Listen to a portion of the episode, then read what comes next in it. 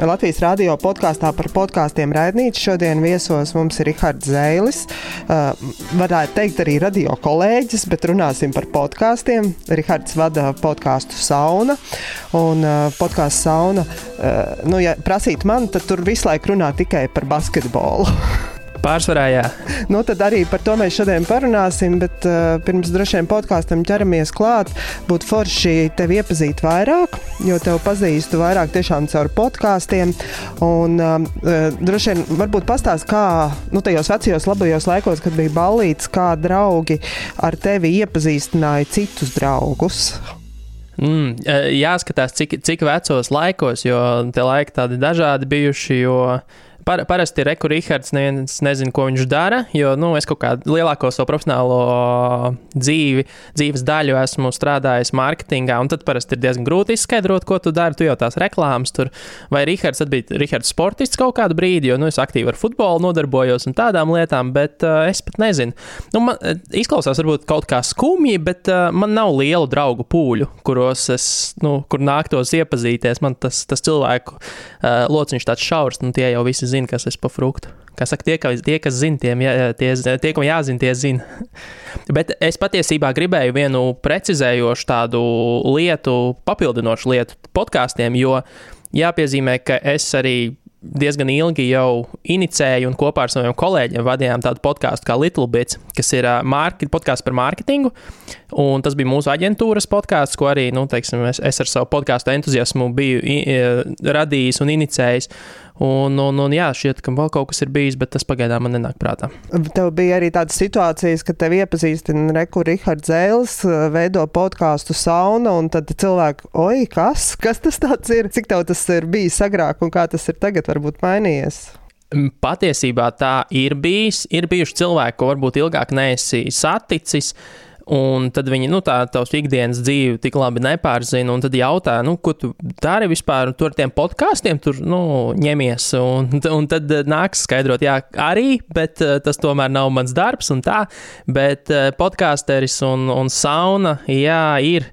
Ir bijušas situācijas, kur iepazīstina, jo īpaši arī nu, tajā pašā jau jūs pieminētajā sporta sfērā. Uh, Eh, kurā ik pa laikam man un manam kolēģim, ar ko es veidoju kopā šo raidījumu, pajautā vietējie sporta mēdīji, nu, viedokli par, par basketbolu, par NBA basketbolu. Un tad parasti tur ir pierakstīts, nu, tur veido podkāstu sauna vai tur eksperts, jo kurš izdomā pielikt kaut ko tādu klāt, kaut gan pats nekad es sev tā neesmu zīmolojis. Un, un tad cilvēkiem arī komentāros un visur citur ir jautājumi, kas tas nāca un ko, ko tas nozīmē. un kurienes viņš ir radies, bet nu, tā kaut kā tas ir iegājies podkāstu veidotāji jau uztver kā ekspertu, vai kā tevi vērtē nu, profesionālo mēdīju, sporta komentētāji, sporta raidījumu veidotāji, sporta pārēžu vadītāji? Nu, ja jau ik pa laikam uzprasa viedokli, tad jau kaut kādu jēgu, nu, vismaz tīri viedokļu dažādībai tajā saskata. Jo, nu, gal galā arī ar visu to podkāstošanu un vispār satura radīšanu par un ap sportu. Nu, es arī rakstu sporta mēdījiem MVP LV, kas ir Delfa paspārnē esošs maksas sporta mēdījis, kas arī tas viss ir nu, tā, tā reputācija un pēc tam aicinājums piedalīties šajā projektā ir nācis no tā, kas ir cilvēki dzirdējuši internetā un lasījuši, ko es rādu. Tad jau, nu, kā kurš domā, nu, parasti jau viens domā, ka jā, cits domā, es jau varu labāk, nu, tad, tad, tad kas tad tas par ekspertu? Nu, es, es jau māku, taču zinu vairāk, un tā, nu, tā, tā rīvēšanās vienmēr ir. Bet uh, es nekad sev tā nepozicionēju. Es pozicionēju sev kā cilvēkam, patīk sports kopumā un ļoti NBA basketbols, un tāpēc es arī par to runājos. Tev ir sapnis vadīt tiešraides, piemēram, tiešraidē basketbola spēli, kad, nezinu, Latvijas izlases spēlēs pasaules čempionātā, un tu esi tiešraides vadītājs. E, es jau esmu bijis Eiropas čempionāta kvalifikācijas spēlēs, kas arī ir viens tāds, nu, uh, foršs atzarojums un, un notikums, kas nu, ir radies no tā, ka es šo saturu internetā esmu veidojis. Es esmu vadījis pirmspēles studijas Eiropas čempionātam basketbolā pavisam nesen. Es esmu mēģinājis arī komentēt NBA spēles. Tur man gan es sapratu, ka tas ne, nav man, jo tas ir, man ir dienas darbs, man, un es nevarētu naktīs to tik regulāri darīt, kā varbūt medijas to gribētu. Bet, jā, pateicoties tam, ka es rādu šo saturu internetā, man ir bijuši ļoti daudz jau interesantu piedāvājumi un iespējas ārpus tieši šīs podkāstu sfēras. Un gal galā arī radio, jo, jo um, Latvijas radio raidījumā Radio Rings es nonācu būtībā caur to, ka hei, šie, šeit ir Džeks, kurš runā par sportu internetā. Nu, Māka runāt, varbūt jums nodara, kad vajadzēja atrast vadītāju. Nu jā, tad uh, tu Latvijas radio programmā 5LV vadīji katru ceturtdienu sporta raidījumu, vai ne? Jā, jā radio ringu. Un, jā, un es saprotu arī, ka ir tāda iecerta ne tikai, ka tas ir radio raidījums, bet arī podkāsts. Vai tā? Pavisam nesen uh, tas tika pārveidots arī podkāstā. Nu, cik nu pārveidots, vienkārši uh, publicēts arī podkāstu platformās. Jā, jā, izplatīts kā podkāstu kā podkāstu platformu saturs. Jā. Mhm. Nu, Forši, tu, viens no tiem mērķiem, kāpēc te aicināju sarunu, Gribētu, uh, man pašai ir interesanti iepazīt vairāk tieši Latvijas uh, sporta podkāstu pasauli. Apmēram kaut kādi daži nosaukumi man zinām, bet uh, gribētos, ka tu būtu man tāds gids un mēs izietu cauri, kas tad ir un ko var klausīties un kā tu to redzi. Uh, tas varētu būt tāds mūsu sarunas otrajā daļā, bet pirms tam es gribētu vēl vairāk iepazīt tieši tavu podkāstu veidošanas pieredzi, jo tik cik es esmu dzirdējis kaut kādas sarunas ar tevi, tu ļoti daudz runā arī par podkāstiem, par podkāstiem podkāstu kultūru, par Latvijas podkāstiem ik pa laikam. Nu, vismaz tajās sarunās, kur es esmu tev dzirdējis. Tā kā man liekas, ka tu to lauciņu pārzini un redzi un esi tajā, tajā orientējies un būtu interesanti arī to dzirdēt. Bet uh, varbūt pirms tam uh, par tevi un to, kā tu nonāci pats līdz podkāstu veidošanai. Jo, manuprāt, 5LV mājaslapā es lasīju, ka tu pēc izglītības jurists strādā mārketingā, bet sirdī esi sporta fans. Un, uh, kā, kā šī kombinācija nu, nostrādāja, lai tu sāktu veidot savu podkāstu?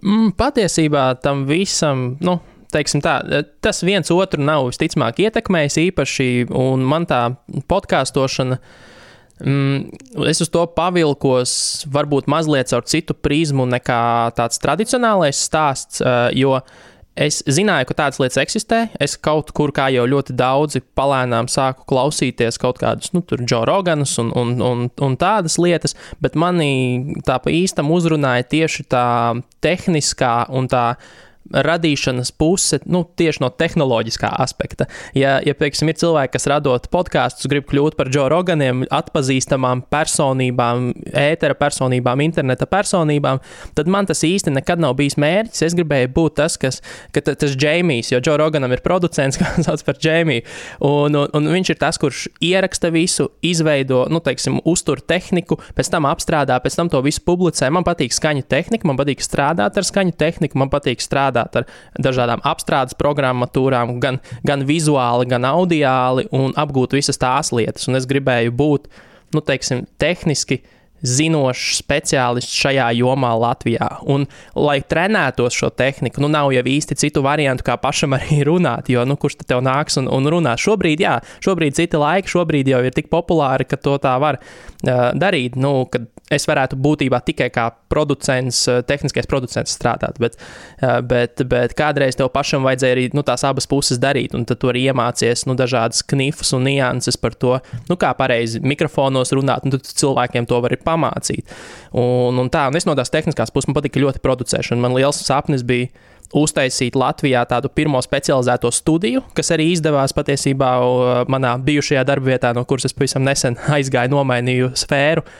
Uh, un, un jā, visu laiku bīdīt to ekosistēmu. Nevis tieši pašam sevi izcelt kā kaut kam, nu, kaut kā autoritāti, kā uh, slavenību tieši nu, no tā, kas nāk no manas mutes ārā, bet uh, tīri tas know-how, kā, kā podkāstus labāk veidot, kā ierakstīt labu, kvalitatīvu podkāstu, mm, skaņas, skaņas dizains un, un tas pats kaut vai arī telpas akustika un viss pārējais.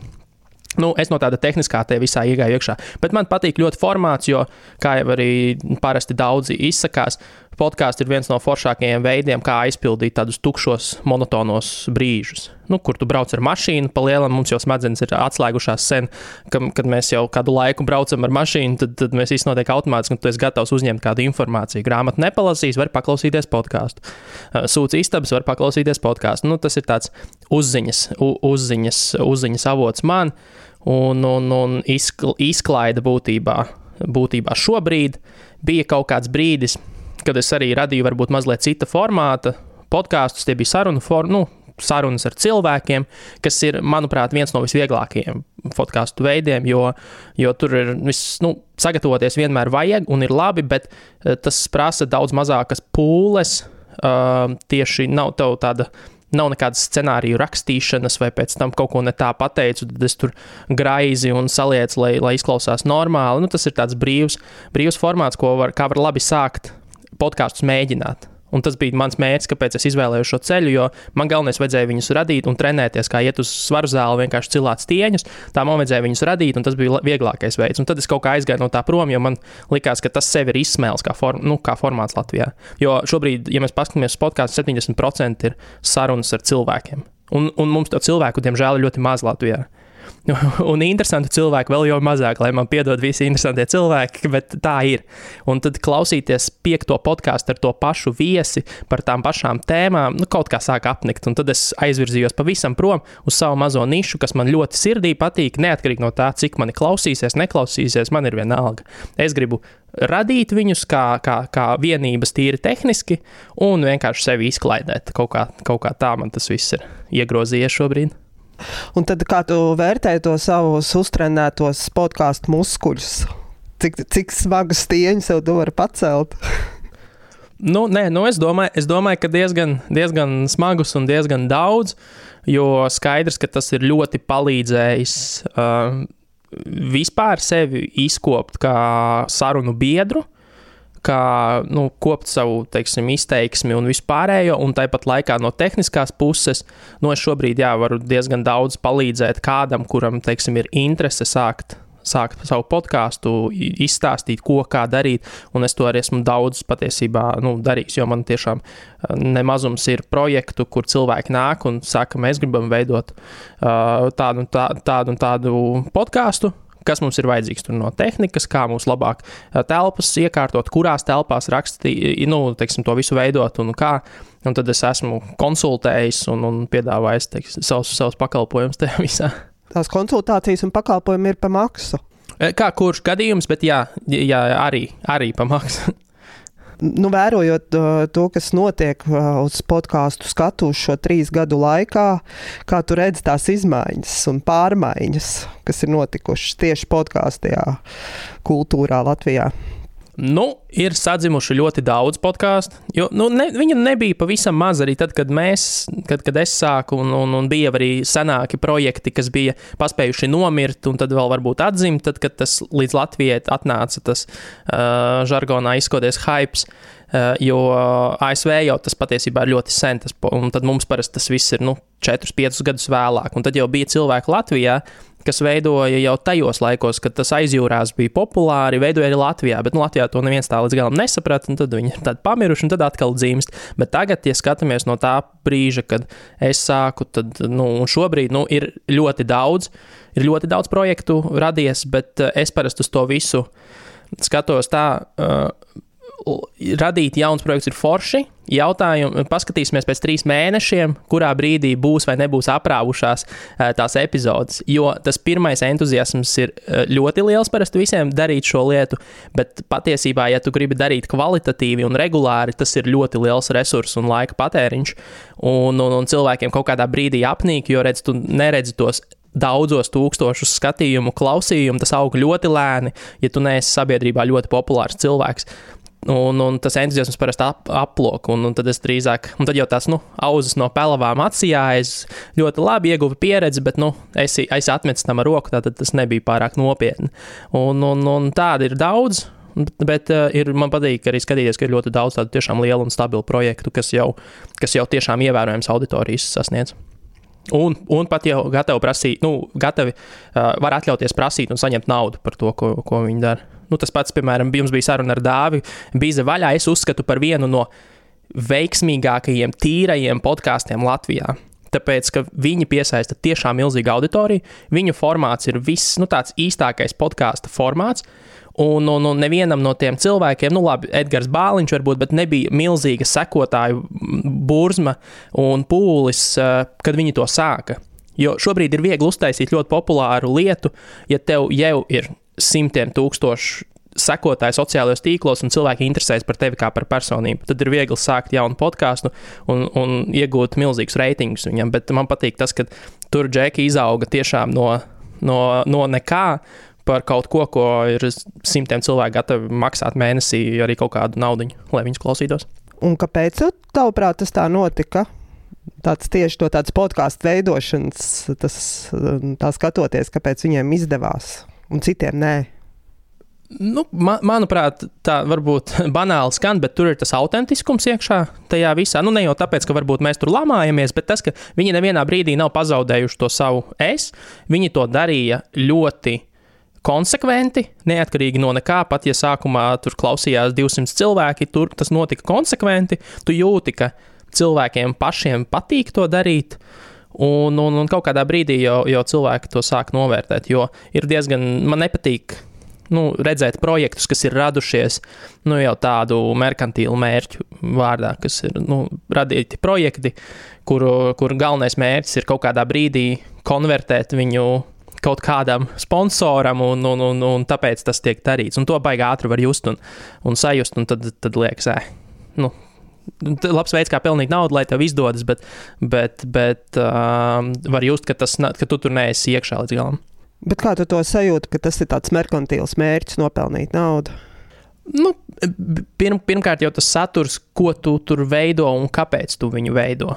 Nu, teiksim, labs, la, la, labs uh, piemērs tam ir, jā, ja kaut kas ir tajā brīdī ļoti populārs, ļoti aktuāls. Nu, redz, nu, tad, viņš, tad viņš staigā pa, visādiem podkāstiem vai tiek ar nu, apzinātu mērķi aicināts uz podkāstiem, un tur bieži vien nav tas.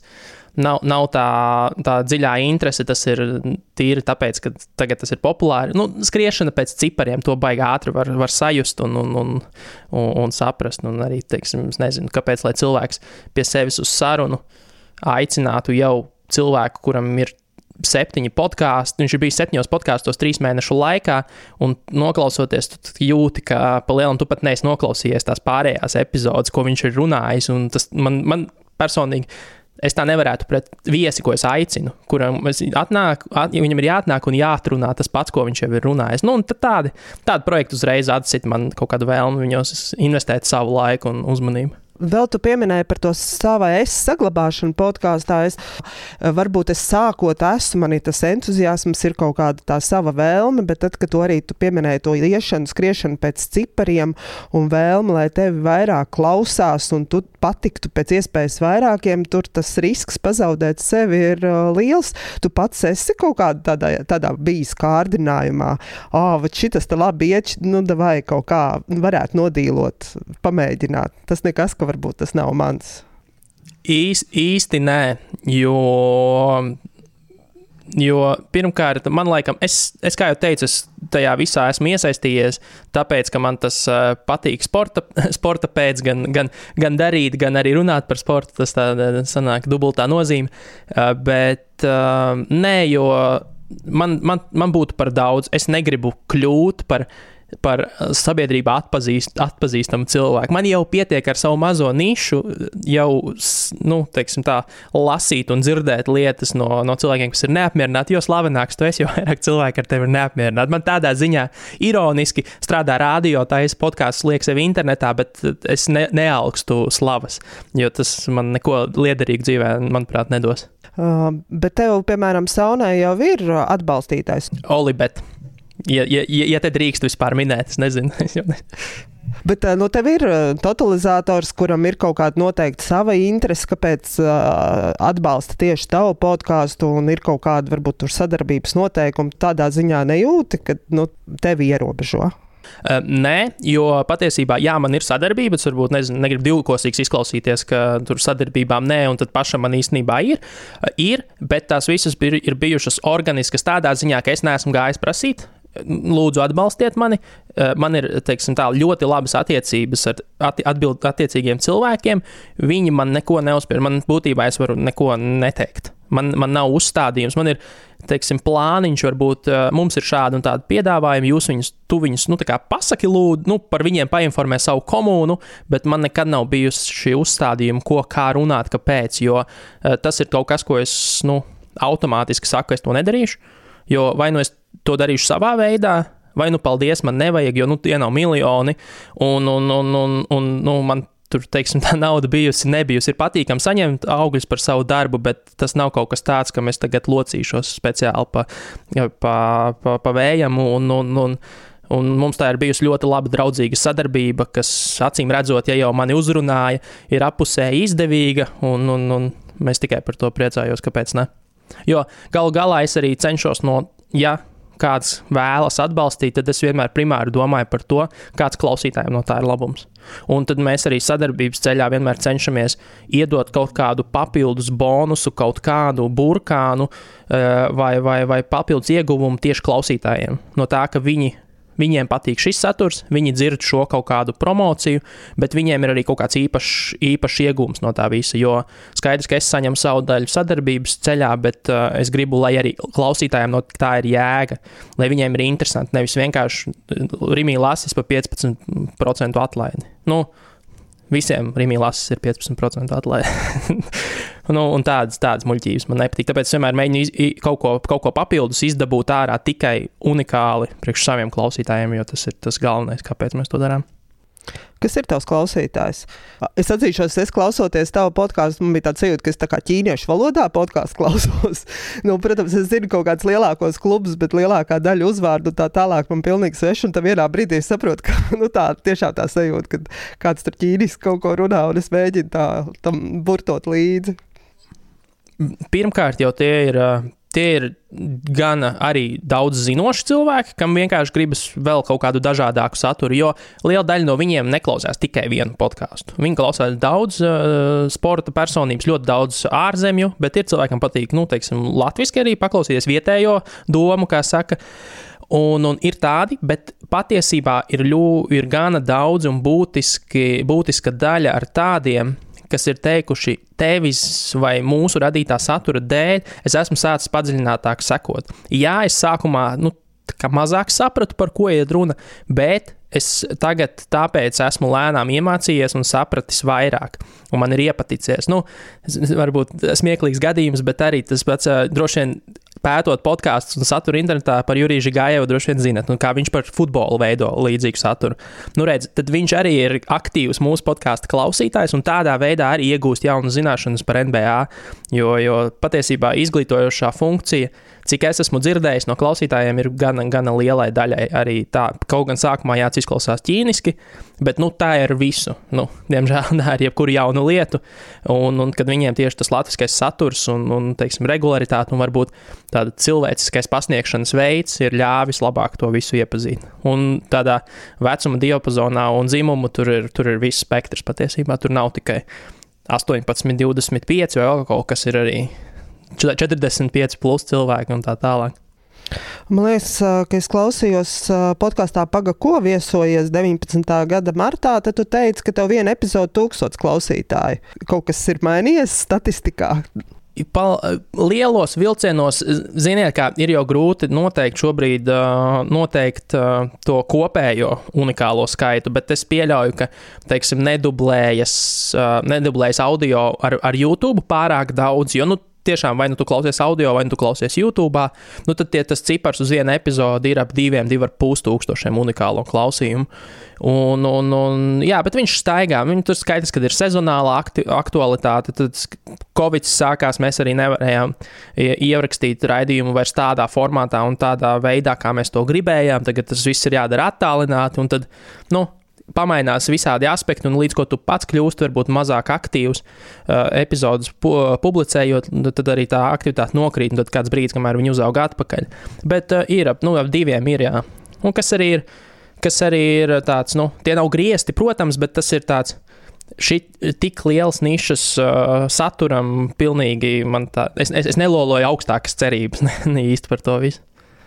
Kāda ir tieši podkāstu vieta, ko aizņem tieši runājot par sportu un dažādiem sporta veidiem? Ar ko tu, piemēram, atšķiries? Es nezinu, no ikvakara sporta ziņām televīzijā vai interneta ziņu lapām vai kaut kādām sporta tiešraidēm.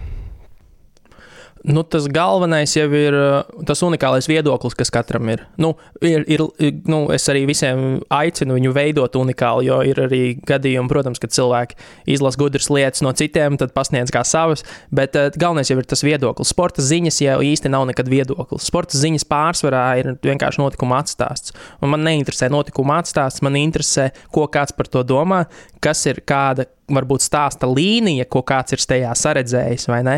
Un, un varbūt pat kas ir riņķī apkārt ap šo vienu protokolā ierakstīto ailīti ar, ar, ar, ar cipariņiem, nevis tieši tie paši cipariņi, par kuriem izstāsta nu, sporta ziņās. Un, protams, ka tā brīvā atmosfēra, kur tu vari nu, nosacīti runāt, mums jau ir patīk, ka nu, teiksim, mēs, mēs dažādi varam pat aizvainojoši izteikties par cilvēkiem, kas ir tur otrā pusē okeānam, un viņi mūs nezina. Un, un sporta ziņās jau tu īsti nu, nedrīkst paust viedokļus tādus izteiktus par, par kaut kādu spēlētāju vai, vai kādu klubu vai kādu citu publisku personāžu, kas šajā sporta veidā figurē. Un tas jau ir tas interesantais. Nu, cilvēku viedokļi, jā. Uh mhm. -huh. Un kāpēc basketbols, kāpēc NBA izvēlējies nevis kādu citu sporta veidu vai citu līgu? Man NBA iepatikās pirms, nu, pirms es podkāstus veidoju, protams, es sekoju NBA daudz ilgāk. Un man patīk tā, tas milzīgais satura daudzums ap šo sporta veidu, ap šo līgu, pieejamais, ļoti plašais statistikas apjoms, nu, kur tie skaitļi, ko, ko, es, ko mēs runājam, kas ir savs skaitļi, bet kas stāsta tik daudz interesantus stāstus, nu, man, man, man patīk viņus tur meklēt un, un redzēt. Un, un tas, manuprāt, ir viens no pateicīgākajiem sporta veidiem, kas skaisti mīs kopā ar popkultūru. Nu, man arī patīk popkultūra, mū, mūzika, kino un tādas lietas, un NBA tas ir tāds organisks sporta, sporta, organisks sporta līga. Uh, kas tur visā forši ierakstās. Un, un basketbols kā tāds man vairāk par citiem sporta veidiem patīk, jo tas ir šķiet viens no dinamiskākajiem komandas sporta veidiem. Jo hoke, hokejā tur no ripu nevar redzēt televizorā, un visu laiku ir haoss. Futbols ir pārāk lēns, kaut gan es pats astoņus gadus futbolu spēlēju, man ļoti patīk spēlēt, bet man nevisai patīk skatīties futbolu. Un tad basketbols ir kaut kas starp vidu, tā ir tā popkultūra plus sports un, un veido tādu aizraujošu paku. Mm -hmm. Un uh, es dzirdēju arī, ka tev ir um, nu, tāds uh, savs WhatsApp chatiņš, un tā kā varēja arī kopā ar saviem, saviem nu, klausītājiem uzspēlējāt basketbolu. Tas, tā ir taisnība, jā? Ja? tas nav mīts. Jā, jā, jā, mums ir mūsu slavenā WhatsApp grupiņa, ko mēs ik pa laikam pieminam, un tur arī visu laiku notiek ne tikai par basketbolu sarunas, bet pārsvarā jā, par NBA. Tur, kas ir ļoti interesanti, jo tiešām es esmu gan iepazinies ar cilvēkiem, gan, gan, gan arī kopā esam uzspēlējuši. Jā. Un, un, un kā tā grupa tieši WhatsAppā, kāpēc kā tas mm, veidojās? Es pat īsti ne, nu, nezinu, nu, laikam jau tas tā, tas tā populāri taisīt WhatsApp grupas. Es, es neatceros, kāpēc mēs izdomājām, ka mums vajag, bet katrā ziņā mēs to kaut kā inicējām, ka labi. Mūsu raidījumam ir arī grupa, kur var, nu, teiksim, ikdienā apmainīties ar, ar, ar ziņām. Un tas tieši ir dienas, kad tur tiešām iziet tūkstotis ziņas vienā dienā cauri, kur kaut kādiem karstākiem notikumiem tiek runāts un apspriests tieši NBA. Un, un, un, jā, nu tā, tā, tas tāds, tā tāda komūna. Man pašam gan patiesībā es varētu būt viens no tiem, kas no aktīvajiem, kurš vismazāk aktīvi iesaistās. Jo nu, diena ir aizņemta un tik daudz Vācijā sēdēt man arī nesanāk, bet uh, katrā ziņā diskusijas tur vienmēr notiek un, un, un, un, un viedokļu, viedokļus var pajautāt un dzirdēt ļoti, ļoti plaši, kas ir interesanti. Un, jā, un pats labākais tas, ka tu vari ātri, gribās vasarā aiziet uz, uz kortiem, uzspēlēt, uzspēlēt bumbu ārā. Ļoti ātri var sameklēt savu dombiedrus un, un, un iet to darīt praktiski.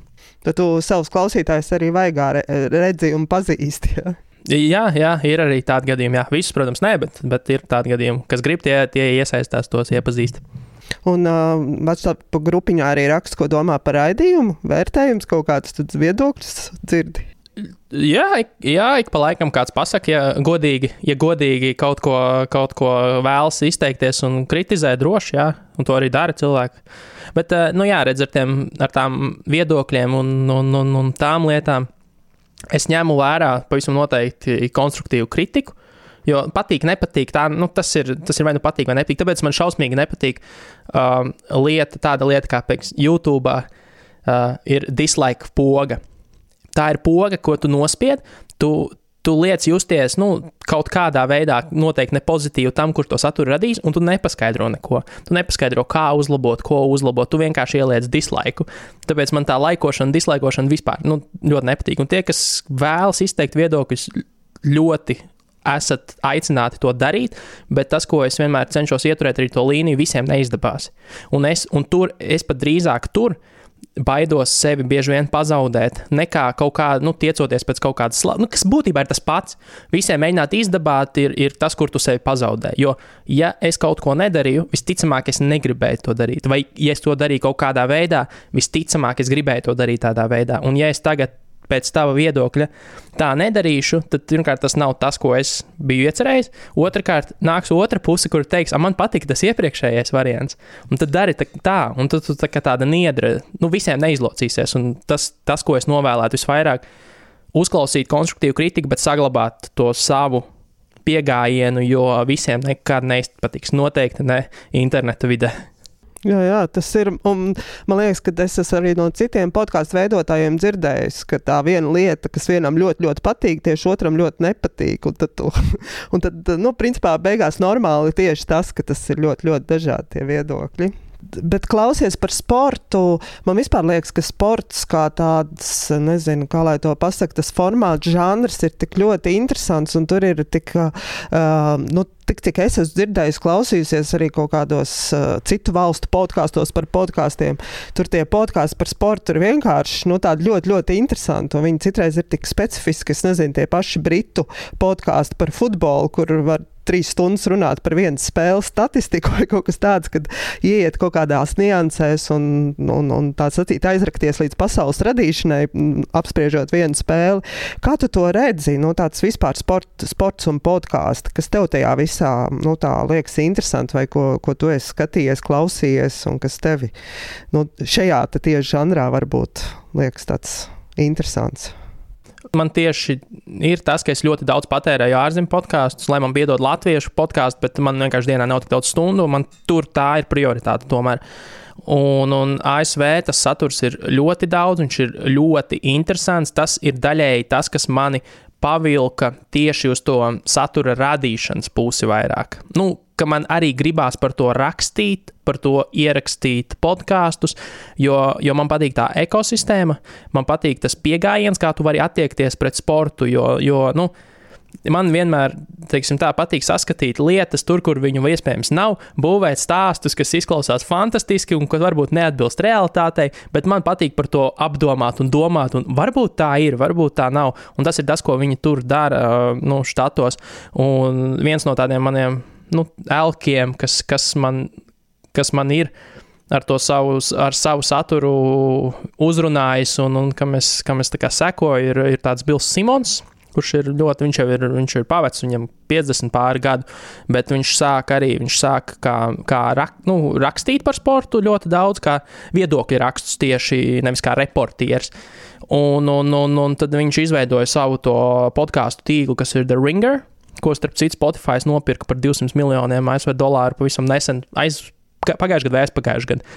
Un viņam ir tāds, tas The Ringer šobrīd jau ir izaudzis par milzīgu sporta un popkultūras un politikas eh, podkāstu tīklu. Uh, kurā ir visas šīs šie visas interesantie viedokļu apmaiņas. Tur podkāsti par seriāliem, par Game of Thrones. Viņiem ļoti populārs, un manuprāt, pat balvas ieguva bija podkāsts par Game of Thrones, kur viņi katru epizodi gāja cauri un, un runāja un, un analizēja, un kas tur ir parādīts un tā tālāk. Un tas viss, nu, ir garšīgs, tas saturs ir ļoti garšīgs, un tas ir kaut kas, uz ko es pavilkos, un ko es arī gribu piedāvāt vietējam, vietējam tirgum no mūsu perspektīvas, lai nav tikai šīs sporta ziņas, sporta ziņu variants. Jā. Bet, nu, kāda tā loģika, jo mūsu tirguma latviešu valodā podkāsts par NBA spēlēm, nu, kas ir tas, kā tu redzi, nu, ja, ja ir tie paši amerikāņi, varbūt viņi to izdara vēl trīsreiz krūtāk par to, kā mēs spējam. Kāpēc latviešu? Tur jau tā lieta, ka ne visi klausās. ne visi klausās. Ir tie, kas arī nu, ļoti daudz kas klausās šo visu, jo es jau arī, es jau neklausos tikai vienu, es klausos, nu, tas NBA podkāstu čūpiņa man patiesībā ir kādi, nu, tādi regulārie septiņi līdz desmit. Un ļoti daudz, kur lietas pārklājas, bet katrs tas cilvēks jau piedod to savu kaut kādu redzējumu un, un to visu. Un mēs jau arī mēs jau runājam, bieži vien mēs pat apspriežam to, ko viņi runāja. Nevis, nu, teiksim, pasniedzam to pašu informāciju, bet tajā podkāstā runāja par to un to. Un, manuprāt, tā, tā ir, tā nav. Es domāju, vēl arī šo, man, es tam piekrītu, šim nepiekrītu. Un, un tā ir tā papildus perspektīva, kuru, ja tu centies iedot, tu iedod, un to neviens nevar pielīdzināt. Nu, manuprāt, šeit nav labāk vai sliktāk. Šeit, šajā, šajā jomā nevar būt labāk vai sliktāk. Tas ir vienkārši cits, cits saturs par to pašu lietu, bet viņš pēc būtības ir unikāls. Un, un ir kam, kam patīk tikai latviešu klausīties, nu, kam, ne, kam re, kas reāli nemaz neklausās uh, angļu valodā šos podkāstus par NBA. Un viņam ir šis viens, jo viņam tā nav prioritāte, jo man tā ir tā kā prioritāte. Sporta podkāsts ir mans galvenais, tad man atliek laika citām lietām, citiem podkāstiem, bet tas ir mans galvenais, un tas ir tas, ko es visu laiku klausos. Un, un, un viņiem varbūt ir cits cit, citas intereses, un tas viens reiz par reizē paklausos latviešu par NBA basketbolu. Un, nu, kaut kā tā es to redzu. Un tu angliski neesi domājis taisīt, piemēram. To nav vērts darīt. Tas, tur, gan tu sāc sacensties, jo uh, Latvijā, nu, tad kāpēc lai tu apgrūtinātu latviešu klausītājus, run, nu, runājot angliski? Jo es arī esmu pats pamanījis, ka man patiesībā es, es angļu valodu ļoti labi saprotu, bet jo es klausos kaut ko latviešu, es varu darīt mentāli sarežģītākas lietas. Nu, piemēram, rakstīt e-pastu, bet latviešu vienalga uztver to, ko runā. Angliski bieži vien tev aizpeld, tu pievērsies kādam citam uh, darbam, un tev aizpeld garām tā informācija, un tu to griez atpakaļ un klausies. Un, un, un angliski sacensties nav vērts. Tur gan tu lec uzreiz milzīgā dīķī, kurā ne, tu nepiesaistīsi teiksim, klausītājus no, no piemēram, ASV Jo viņiem tiešām neinteresē, kas tā, ko, ko, ko kāds džeks Latvijā runā. Ja vien tu nevari piegādāt tiešām unikālu informāciju, kas nu, tehniski ir iespējams. Tehniski ir iespējams, jo, nu, kā mēs zinām, mums arī trīs, pagaidām vēl ir trīs latvieši tur, un tad tu kā vietējais, varbūt esi pazīstams ar kādu no šiem spēlētājiem un tiešām zini informāciju. Tad tu kaut kā varbūt vari kā insideris ielausties. Bet uh, būtībā, ja tā, tā ģenerālā plaknē skatās, tad viņiem neinteresē. Un tad, ko tu no tā iegūsti? Tu tikai moki sevi runājot angliski, nu, ja vien tu negribi ļoti trenēties. Un, un, un latviešiem lietas klausīties sevi angliski, kas ir tava primārā auditorija. Nu, tur nav jēgas tam īsti visam. Oh, bet varbūt Latvijas par Latvijas basketbolu līgu. Uh, tas atkal man mazāk interesē. tur tā lieta. Uh, jo mm, pirmkārt jau tā tā informācijas aprita man, nu, tā informācija nav tik viegli pieejama. Tas ir uh, mazāk, mazāk aizraujoši notikumu ārpus basketbola laukuma, jo nu, tie, spēlētājiem ir daudz ierastākas ikdienas, un, un, un līga ir uh, ar, ar, ar mazākiem budžetiem, un mazāku pompu, un mazāk vienkārši notiek. Un, un, un arī tā auditorija varbūt ir specifiskāka, kuru es varbūt, nu, es varbūt nemaz negribu, lai nu, uz, nu, runāties ar to auditoriju. Jo, jo nu, kā, man tie la, man Latvijas sporta fani, ne, ne visas komunas man tā īsti patīk. nu, piemēram, futbol, futbolā man nepatīk iesaistīties diskusijās, jo, manuprāt, tā ir ļoti agresīva sporta komuna Latvijā. Mums, un, un, līdz ar to man neinteresē tur skatīties iekšā tajā čūpiņā, izņemot profesionālajā jomā, kur man jārunā par tiem notikumiem. Bet tā entuziasma un sava, sava prieka pēc man neinteresē vienkārši šīs, šīs līgas un šī, šīs lokālais, lokālais sports tik daudz. Tāpēc par futbolu mums ir Jurijs Gājos, kurš par to ir ielīdz iekšā ļoti dziļi un, un, un, un labi runā. Bet kā tu redzi, tie Latvijas sporta podkāsti atspoguļo arī to uh, Latvijas sporta nu, tādu fanošanas ikdienas kultūru. Mm, zini, kā man gribas teikt, ka mums jau, es domāju, ka arī nav tā, ka da nebūs daudzi, kas, kas nepiekrīt. Uh, ka mums jau tā švaki patiesībā ar to sporta fanošanas kultūru ir, jo nu, to pašu parāda arī tas pats futbols. Jo ir daudzi nu, fani mājās pie televizora, divānā, uz komentāru sadaļās un tā tālāk, bet tā reāli ārā uz spēlēm iet ļoti maz cilvēku daļiņa. Un, un, un mums tie, tā fanošana vienmēr ir par tiem, kuri uzvar. Nu, tad, kad uzvar, tad mēs fanojam. Un, un mums nav ne tuvu asinīs tas sports, kā piemēram Lietuviešiem basketbols, kur tā ir reliģija, kur Anglijā futbols, kur tā ir, tas ir, tas ir ģimenē pienākums. Ir tagad sestdiena, svētdiena, ir spēles diena. Mēs visi tagad vai nu iesim uz stadionu vai uz bāru, nu, skatīsimies futbolu. Tas vienkārši ir. Mums ir tā, tad, kad uzvar un ir pozitīvās emocijas, tad mēs pasakojam līdzi. Un, kā, mums visi ir bijuši pludmales volejbola fani, BMX, boxa fani mums bija ļoti daudz, tā, bet tas viss jau kaut kā pazūd. Un tu jūti, ka tā fanu ir ļoti maza fanu čupiņa visos tajos sporta veidos, kuriem tā līdz kaulam rūp nu, teiksim, tā kā man patīk NBA, tā tiešām padziļināti. Citam, citam patīk pārlasīt virsrakstus, un viss ir kārtībā. Tas nav ne pārmetums, ne kaut kas nepareizs. Un, un, un, un, bet ļoti maz ir to, kas tam tā līdz kaulam iet iekšā un runā. Un ir patiesībā tādi padziļināti viedokļi par lietām, izņemot slikti nospēlē, labi nospēlē, šito treneru vajag atlaist. Nu, tur vai atkal izgāzās dīnāmo.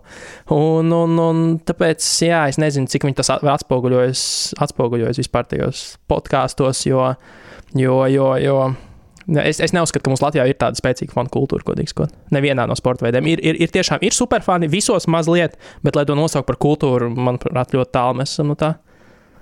Un kā tu redzi podkāstu, sporta podkāstu, mums ir stipri spēcīgi, vai nu, tieši tādi paši kā fani? uh, kā, lai, kā lai to zinātu, negribās jau, negribās jau kaut ko sliktu teikt, jo, teiksim, ja, vis, ja, ja rada un klausās, tad jau viss ir kārtībā. Un, un manuprāt, manuprāt uh, ir ok. Mums ir, mums ir tas piedāvājums tāds paplašs savā ziņā, bieži vien arī pārklājas starp, starp podkāstiem daudz kas. Bet, nu, jā, nu, tur ir tas līdzsvars starp būt aktuālam un darīt to, ko tu gribi. Kaut kā varbūt ir, kas ir pārprofilējušies, sāk kā viena veida podkāsts, un tad ir aizgājuši vai nu vairāk sporta veidos, vai par pavisam citu sporta veidu. Bet, eh, nē, nu, ir ko klausīties. Latvijā ir ko klausīties, un viss tur ir, viss tur ir kārtībā. Kā tu raksturo to sporta podkāstu piedāvājumu? Kā, kāds tas ir? Nu, ir ūdenzēļi, sporta centram, arī tagad Latvijas televīzijas sporta studijas sāk veidot podkāstu. Saprotu, Face-off ir par hokeju. Jā, pie Facebook dzimšanas es patiesībā arī biju iesaistīts, jo es tur viņam palīdzēju viņu uzsākt, un tad viņš ir aizgājis. Nu, varbūt pastāstīja, kas, kas tev tāds liekas no tādiem sporta, Latvijas sporta podkāstiem interesants. Nu, Zini, kā es atzīšos, ka es pārāk daudz neklausos Latvijas sporta podkāstus, jo man, jo tas bieži vien man arī varbūt pat acis nu, nāk par sliktu tādā ziņā, ka šajos, šajos podkāstos ir sportisti, ir, ir personības, nu, tiek aicināts un ar viņām tiek runāts. Un, un, un tad bieži vien man arī dažreiz saturam ir nepieciešams ar šiem cilvēkiem, ar šiem cilvēkiem runāties un, un, un, un, un viņus intervēt un aicināt uz radio, piemēram.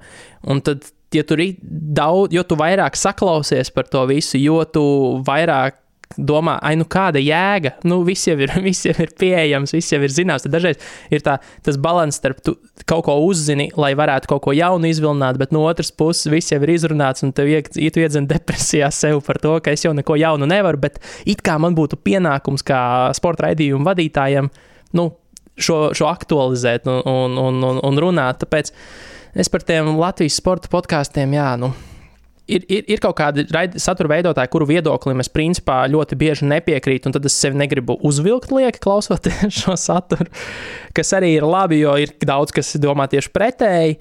Un, un, un tad ir tādi, jā, kas, manuprāt, es, uh, ir vienkārši podkāsts, bet būtībā tas ir TV raidījums, kas ir, nu, tas ir, jo podkāsts jau nav gluži formāts, podkāsts ir izplatīšanas veids, un, un tad vienkārši tas ir duplicēts TV raidījums kaut kur, kaut kur platformās, kas, kas man varbūt obligāti tāpēc uzreiz nesāks interesēt, tāpēc, ka viņš Spotify ir noklausāms. Uh, bet, jā, es nezinu, godīgi sakot, man grūti izteikties, jo es tiešām daudz viņus neklausos. Jo, jo man, man ir tik maz laika, atliek brīvā laikam kaut ko ja, kam jaunam, kaut kam veltīt laiku, ka, ka es vienkārši uzskatu, ka, ka nu, es tur neko tādu jaunu izklaidējošu neiegūšu. Un, ja man vajag profesionā, pa profesionālo jomu kaut ko noklausīties, tad es parasti noklausos un, un izpētu, kā jau, kā jau arī šai sarunai gatavojoties. Bet tā regulāri man nav tāds favorīts, kur es klausos un liekas, jā, jā, vo, šis, ir, šis ir kaut kas, kas man bija vērtīgi vai izklaidējoši. Mm -hmm.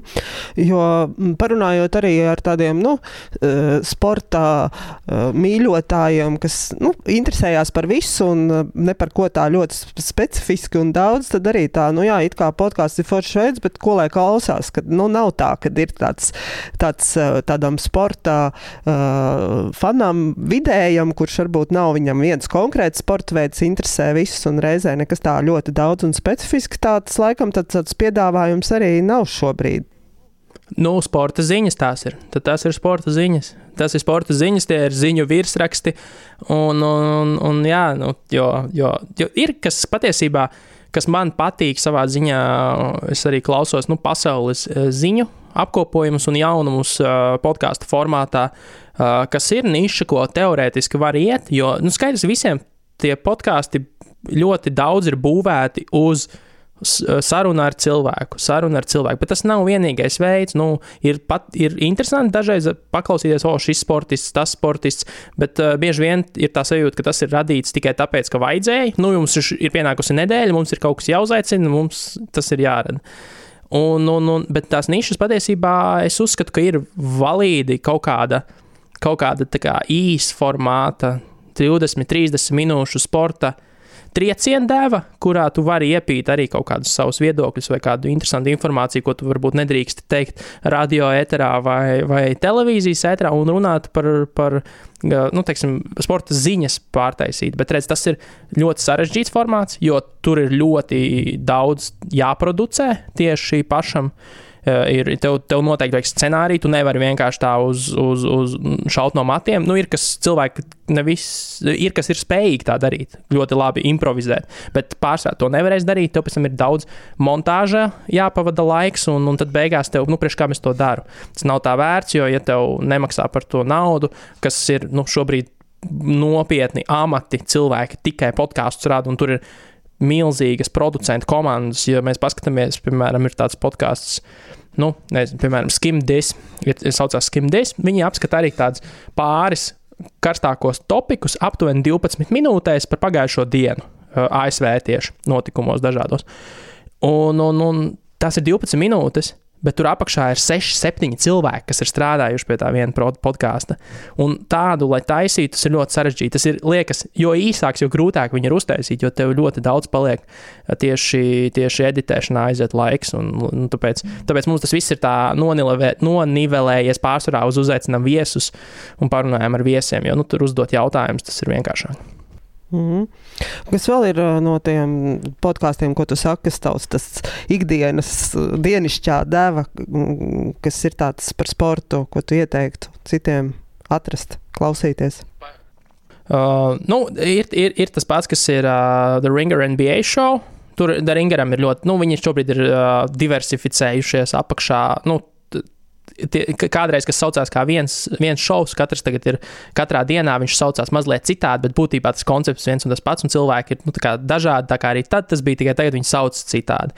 Uh, par sportu, nu, saku, man par sportu ir basketbols pārsvarā, es tur tikai basketbolu varu daudz, daudz ieteikt dažādus, dažādus nišas, uh, nišas podkāstus. Uh, Uh, tas pats, jā, jāapskatās man īstenībā patiesībā ir no, nosaukumi, jo es parasti visu automātā kā iet, tā iet. Ir uh, atletika. Diatletika ir sporta mēdījis, kuram ir ļoti daudz, daudz uh, specifisku sporta uh, podkāstu par dažādām komandām. Es, piemēram, Dallas Mavericks podkāstu viņiem klausos un, un, un, un, un tieši par specifiskām komandām interesējos tādas visādas nianses. Tagad es esmu ļoti daudz sācis klausīties par NBA Top Shot podkāstu. NBA Top Shots ir uh, digitālās sporta kartītes, kas ir tik, tikko radītas, nu, NFT tirgus, ja ir dzirdēts tas burbuļu salikums, un, un, un, un tad par, par tādām visādām lietām. Un, un, un, Un tad nu, ziņa, ziņu, dažādi ziņu, īso ziņu podkāsti, gan The Guardian, gan, gan tas pats Skim, Skim Dis un, un tādi visādi, kur kaut kādu aktuālu informāciju var ātri uzsūkt pie brokastīm. Tev ir kaut kāda tāda nākotnes vīzija, kā sports un podkāsts varētu tālāk attīstīties? Man jau liekas, ka, ka specializēšanās ir tas labais virziens, jo jā, par, par šo un to visu runāt, ir, es nezinu, cik tas ir, cik tas ir interesanti, cik tas vispār ir iespējams. Jo, manuprāt, cilvēks kā satura radītājs, ja viņš ir fokusējies uz visu, viņš šausmīgi izdegs. Nu, tur es nezinu, kā tu, tam, kā tu vari visam izsekot līdzi. Un līdz ar to, manuprāt, normāla nišēšanās ir laba, jo tas arī klausītājiem ļauj maksimāli radīt to savu visērtāko uh, un, un patīkamāko podkāstu steku, kurā tu saliec tikai tās nianses, kas tev interesē. Ja tev ir raidījums, kurā tev interesē viens segments, bet nu, tev veseli 45 minūtes pēc tam ne, neinteresē, tad nu, kāda, nu, kāda no tā ir jēga? Un, un, un man liekas, ka nišēšanās un tā. tā Uh, sadalīšanās ir laba lieta. Tas nav nebūtu slikti. Jā, protams, ja tu vēlies apgrozīt miljonus auditorijas savam podkāstam, tad, uh, tad šķiet, ka tas ir nu, pretēji tavām interesēm, bet uh, patiesībā, lai taisītu veiksmīgu, veiksmīgu finansiāli uh, podkāstu, un, un tur nevajag miljonus, tev nevajag miljonu auditorijas, tev pietiek ar tūkstošiem. Un, un, manuprāt, arī pret klausītāju labāk ir, ja ir tieši tā informācija, kas viņam interesē, nevis, nevis nu, kaut kas viss par visu. Kaut kā, kaut kā nezinu, es neteiktu, nebaidīties no nišēšanas un, un turpināt nišēties vēl vairāk. Jā, jā. Un tas jau arī droši vien, ka tam podkāstu veidotājam tu arī tās zināšanas, uzkrāja pieredzi, eh, tu vari savu viedokli pamatot ar daudz vairāk dažādām faktiem un notikumiem un kā nu, tā, nu, tādā veidā, ka tu arī pats jau veidojies par ekspertu. Nu jā, ne, tu tie, nu tieši tā, jo tu skaidrs, ka tu, ja tev ir jāsadala laiks vienam tematam vai trīs dažādiem tematiem, un katru nedēļu tie trīs dažādi ir atkal citi trīs dažādi temati, nu, tad, tad tu zini visu par neko. Vai nē, tur kāda neko par visu, nu, vienalga. Bet katrā ziņā tu, es, jā, es neticu. Es tam, tas man kaut kā mazliet arī kremt mm, vispār vietējā sporta kultūrā, eh, sporta mēdīju kultūrā, jo mums ir eksperti, tādi pieņa, tautā pieņemtie eksperti, kuriem parasti par visu jautā viedokli. Un, un tad man liekas, nu, jā, es jau nesaku, ka tu neesi gudrs, bet, kāds, bet kā tu vari zināt par visu, visu? Un, un, un, un, un tas man mazliet, mazliet nepatīk, bet skaidrs, ka tas ir mazā tirgus fenomens, jo mums ir tik maz tirgus, ka tu fiziski nevari nišēties. Nu, tad vai nu tas ir tavs hobijs, bet kā karjeru tu nevari nišēties. Nu, tas tāpat kā mums, piemēram, ir sporta komentētāji, un es šeit neko viņiem nepārmetu. Bet viens ko komentē volejbolu, tenisu, basketbolu, nu tā kā visu. Viens un tas pats cilvēks. Un to, va, es nesaku, to nevar darīt, bet man tas liekas ne, ne tik kvalitatīvi, kā ja tur būtu specifiski cilvēki, specifiskās jomās, kas tiešām zina līdz kaulam to vienu lietu. Kā tas ir, kā tas ir uh, nu, lielajos tirgos, kur katram, katram, katram savam notikumam ir savs, savs cilvēks, jo tas pats jau pieminētais diatletikas sporta mēdījis, kas arī ir viens no tādiem veiksmīgiem fenomeniem, uh, kā maksas, pilnībā maksas, maksas mēdījis, un viņiem ir sportā, pirmkārt jau pa sportiem, praktiski visiem sadalīts, uh, sadalīts nodaļas, un katrā sportā, katrai komandai ir savi žurnālisti, savi satura radītāji, un katram, katrai komandai ir savs. Un skaidrs, ka tur tu to vari, jo tu vari to finansiāli uzturēt, jo ir pietiekami liels auditorijas. Latvijā mums tās auditorijas tik maz, ka tu nevari nišēties. Bet, nu, jā, nu, tas, ne, tas nepadara problēmu mazāku, tā teikt, jo ka, ka mums nav speciālistu vienā lietā, mums ir zinoši cilvēki, bet par visu bišķiņu. Kā tu pats redzi, cik ilgi sa, sa, būsi ar saunu un saunā runās par NBA? Cik tev tas pašam personīgi varētu šis projekts turpināt būt interesants? Nu, viss jau atkarīgs, protams, no tie ir tādas pārējās dzīves noslodzes, jo es jau neredzu iemeslu, kāpēc es to pārstātu darīt. Izņemot tad, kad tu tiešām jūties, varbūt, nezinu, izdedzis var kaut kādās citās jomās, un tev tiešām nav laika un negribās, un basket, podkāsts par basketbolu pagaidīs. Bet, nu, vispār jau man tie sapņi ir tādi, ka tas ir, ka tas ir ilgi savam nākotnes nekustamajam īpašumam. Es katrā ziņā ieplānoju studiju. Man, man būs telpa speciāli, kuras to turpināt ērti varēšu darīt, un, un tā tālāk, un tā joprojām. Bet, jā, es ne, net, netaisos apstāties, jo man tas vienkārši praktiski ļoti patīk darīt. Man to ļoti patīk darīt. Tu arī sarunas um, sākumā pieminēji šo mārketinga podkāstu. Kā tas ir, kad ir vairāki podkāsti un arī nu, šis radio raidījums, kādā veidā tas tev, nu, es nezinu, tas tā palīdz, bet varbūt tas arī traucē. Nu, ir kaut kāds tāds mīļais gara bērns, un tad ir kaut kas tāds pilnīgi cits. Kā tas nu, tavā tajā radošajā uh, dzīvē, tas, tās visas daļas sadzīvo? Mm, es domāju, organiski tieši tāpēc, ka viņas jau, viņām jau ir jāsadzīvo nu, ikdienā kā tādām. Jo šobrīd es vairs mārketingā nestrādāju, bet es strādāju vēl nesen, un tā bija darba ikdiena, un tas bija nu, mana absolūti lielākā daļa uh, dienas uh, nomodā esošās. Un, un, un mēs domājam, nu jā, arī tur mums tieši tāpat kā par sportu skatoties, visiem par savu darbu, par to, kas notiek nozarē, ir viedokļi. Un tad kāpēc ne? Jo nu, es tur sēž kolēģiem blakus tāds, kurš, ja man arī birojā parasti visa tehnika stāvējusi, tur visu ierakstīja, tad tur, kā jau teicu, mēs arī studiju uzbūvējām. Un, un, un kāpēc mēs neiz, neradītu arī šādu saturu? Jo tas ir jautri ar kolēģiem vienmēr apspriest kaut kādas, kaut kādas aktualitātes, ir jautri, nu vismaz ar maniem kolēģiem, kas man, kas man bija, jo man ļoti patīk mani kolēģi. Un, un, un tas bija kaut kas, kas nebija tirgū tajā brīdī. Tas, nu, tas noteikti tāds tik nišīgs podkāsts par šo tēmu nu, tiešām nebija.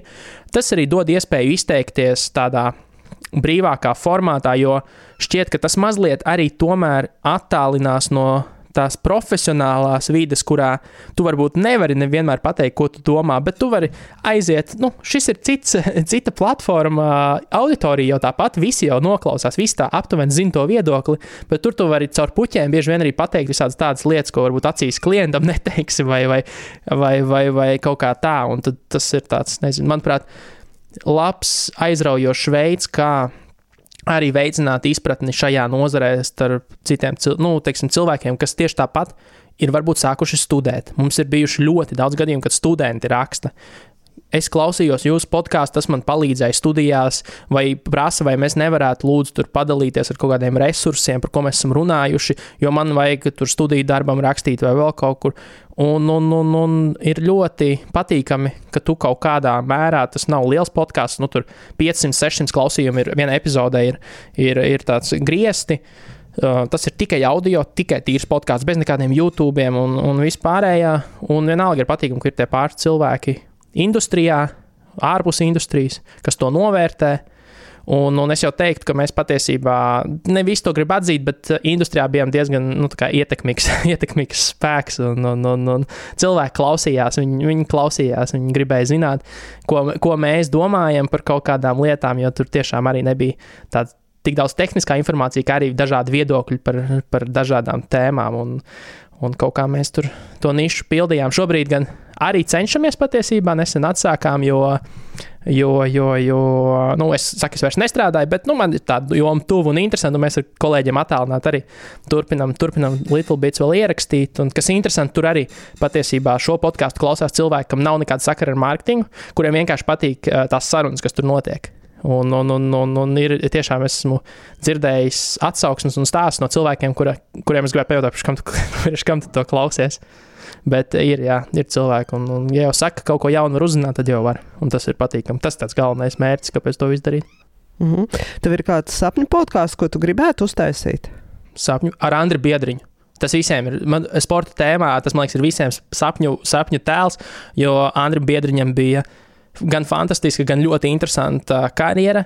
Un šobrīd viņš ir tik ļoti noslēdzies no visas nu, mediju pasaules un ir tik ļoti nepieejams, ka tas ir kaut kas, ko, ko es, ja man būtu iespēja ekskluzīvu e, interviju sarunu ar Andru Biedriņu veikt, tad tas ir kaut kas, par ko es tiešām sapņoju. Un ko tu viņam uzprasīt? E, tas ir labs jautājums. Par to es vēl to es tik tālu neesmu aizsapņojies, jo es zinu, ka tie visticamāk ir. Uh, nu, teiksim, tā, tas ir eh, ne pie kā nenovedīs. Tie būs tukši salmu kulšana, ja es tam veltīšu laiku, bet, eh, ja man šī iespēja rastos, tad es ļoti pacenstos izdomāt, veidot šo sarunu nu, tik kvalitatīvu, lai visiem no tā būtu gan jēga, gan prieks. Nu jā, bet varbūt Andris Biedriņš negrib televīzijai sniegt interviju, bet podkāsts ir formāts, kas viņam patiktos. Iespējams, tieši otrādi.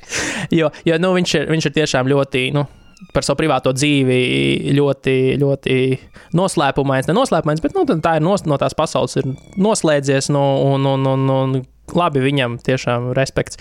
Un, un nav, nav ko līst tajā baumu virpulī atkal iekšā. Tieši, tieši tā. Tāpēc es domāju, ka viņam šis formāts diez vai pat patikt labāk. Jā, bet kas to zina? Viss dzīvē vajag, vajag tā sacīt, piedomāt, un kas to zina, kā saliekās viss tās kārtas. Nu, Forši, paldies tev par šo sarunu. Es novēlu, lai, lai tā saruna ar Andru Biedriņu tev izdotos, lai būtu. Un, kad, kad tas kaut kas tāds, man liekas, tas tā baigi interesanti, ja izdodas kaut kāda šāda sapņu intervijas un sarunas. Un tad, nu jā, un es ceru, ka sporta podkāsti latviešu valodā kļūs stiprāk, stiprāki un, man liekas, daudzveidīgāki un arī uh, konkrēti sporta veidu faniem interesanti, nišīgi, kā tu teici. Un, uh, jā, paldies tev par sarunu. Bija interesanti iepazīt. Nekāda problēma. Nu, tu jau zini, man jau, kā jau teicu, man jau patīk šīs lietas darīt. Un, un, un es, es ļoti atvainojos visiem, ko es aizvainoju ar savu viedokli. Jo es nevienam neko sliktu nebiju domājis. Bet dažreiz man viedokļi ir pārāk jā, konkrēti un cieti. Un tad, kad man pajautā, ko es domāju par kādu nišu, es nedomāju, ka esmu labāks, bet ja man nav teiksim, tā, nekā labi, ko pateikt. Es mēdzu nevis paklusēt, bet pateikt sliktas lietas. Tā kā visi atvainojiet sporta komunu, ko es aizvainoju šajā podkāstā. nekā, nekā personīgi. Man nav ne jausmas, par ko tu runā. Es sporta komunu nepazīstu. labi, paldies tev! Nav problēma. Veiksmīgi. Čau, čau! Atā!